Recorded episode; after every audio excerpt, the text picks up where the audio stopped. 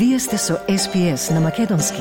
Слушнете повеќе прилози на sps.com.au козацрта на Седонин.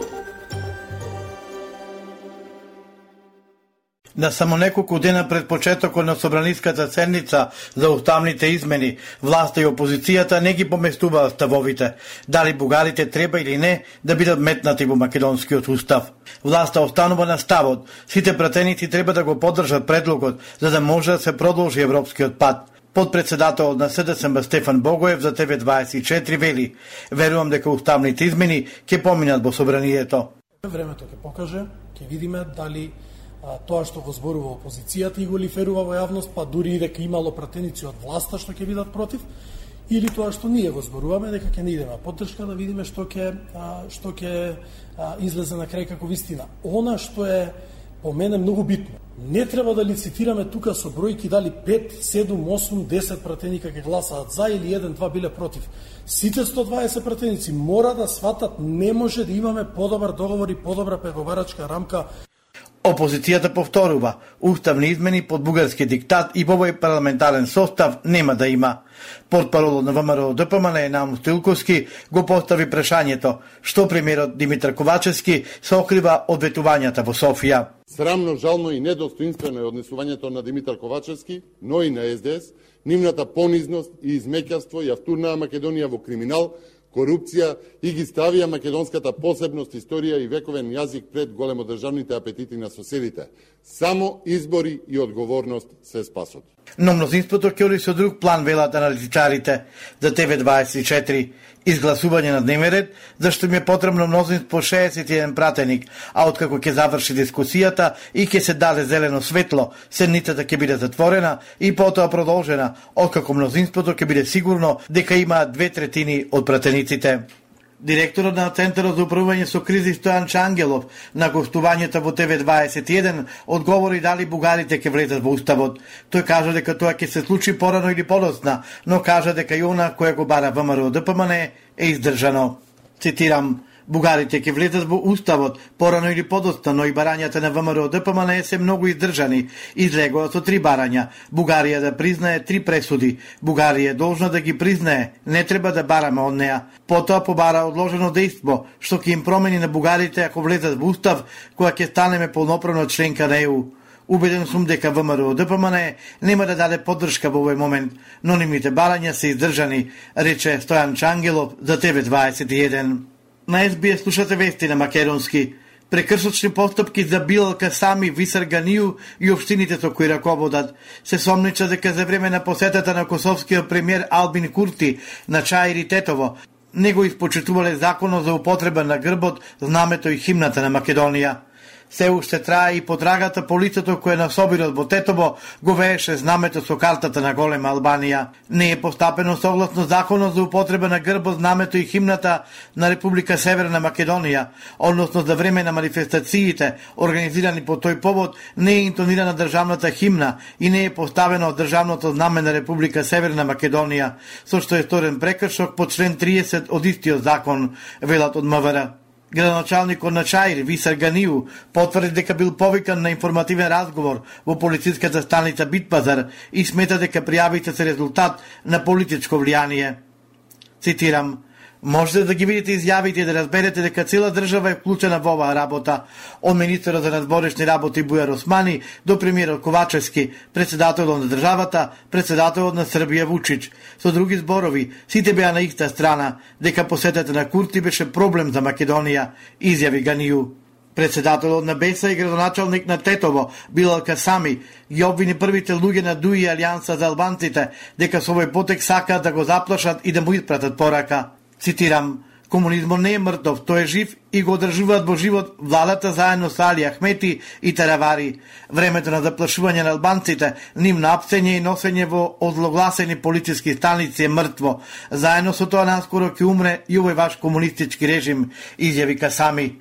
А откако Албин Курти порача дека собирите во Чајри Тетово не биле насочени против никого и дека на Македонија гледа како на сојузник, се огласи и председателката Вјоса Османи.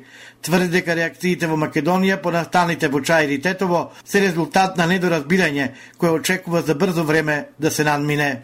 Председателот на Украина Володимир Зеленски и се заблагодари на Македонија за приклучувањето кон декларацијата на Г7 за поддршка на безбедносните гаранции на Украина. Благодарен сум и на Македонија, што се приклучи кон декларацијата на Г7 за поддршка на безбедносните гаранции за Украина и стана 15-та земја што го втори тоа. Ги ценам личните напори на премиерот Димитар Кубачевски за зајакнување на партнерството на нашите земји, објави председател Зеленски на Твитер на врвот на листата на најбезбедни земји во светот е Исланд, а за него се Данска и Ирска, покажува на новата листа на глобалниот индекс на мирот, направена од Институтот за економија и мир. На листата 163 земји, меѓу првите 10 се Данска, Ирска, Нов Зеланд, Австрија, Сингапур, Португалија, Словенија, Јапонија и Швајцарија. Македонија е на 38-то место, а во земите во регионот најдобро позиционирана е Словенија 8 потоа Хрватска 14-та, Црнагора 45-та, Босна и Херцеговина 61-та и Србија на 65-то место. Македонија за 2023 година е рангирана на 108-то место меѓу 145 земји, што се разгледуваат во годишниот преглед на веб страницата Global Firepower. Според индексот на мојкност, тан во одбор за рангирање на мојкта на вооружените сили, од најсилните до најслабите, при што ГФБ користи преку 60 фактори во формулата до одредување на индексот. Доктор Александар Петличковски, председател на Комисијата за заразни болести, информираше дека нема место за паника и по појавата на третиот заразен пациент со Конго-Кримска хеморагична треска. Заклучоците, како што истакна доктор Петличковски, се во насока на превентивни мерки. Комисијата ќе побара од владата да се организира акцијски план во кој ќе се направи прво проценка на преваленцата, колку често овие крдежи ги има по различните региони и таму каде што ќе бидат детектирани, се планира да се направи дезинсекција, која е клучна превентивна мерка. Заразените пациенти вели тој се во добра здравствена состојба и нема опасност или блошување на нивната состојба. Заклучуваме дека нема место за паника, апсолутно нити е потребна, нити е продуктивна на некој начин. Она каде што може да делуваме и нашите заклучоци од комисијата се во таа насока, се мерки превентивни главно. Значи, убаво информирање на населението и на здравствените работници, на кој начин болеста се добива, тестови за оваа болест во моментот имаме доволно, дополнителна количина исто така е нарачана и се очекува да стигне, исто така и терапијата која е со некаков ефект е достапна, што значи дека колку што може да биде спремна една држава за ваква ендемска болест, сме спремни. Во Националната установа библиотека Григор Прличев во Охрид синоќа беше промовирана книгата од архивите на Македонското литературно друштво Григор Прличев од Сиднеј 1978-2023 во присуство на авторот Иван Трповски. Промоторот доктор Виолета Ачковска рече дека неговиот најнов труд содржи богат избор од документи и представува споевидна хроника и обликуван приказ на севкупната активност во 45 години постојање и дејност не на непознатите македонски писателски асоциации на петтиот континент, Македонското литературно друштво, Григор Парличе под Сиднеј. Таа додаде дека книгата е портрет на 350 творци, почнувајќи од председател на друштвото Душа Ристевски и сите останати членови заедно, кои во изминатиот речиси половина век направија толку многу, а толку далеко од родната земја. Преку творештвото на мајчиниот македонски јазик и низата други активности, тие го афирмираат и негуваат и македонското име и македонскиот етникум во Сиднеј, Нов Јужен Велс и пошироко, заклучи Ачковска. Освен во Охрид, предходно книгата беше промовирана во Ману во Скопје. Сакате ли да чуете повеќе прилози како овој? Слушате подкаст преку Apple Podcasts, Google Podcasts, Spotify или од каде и да ги добивате вашите подкасти.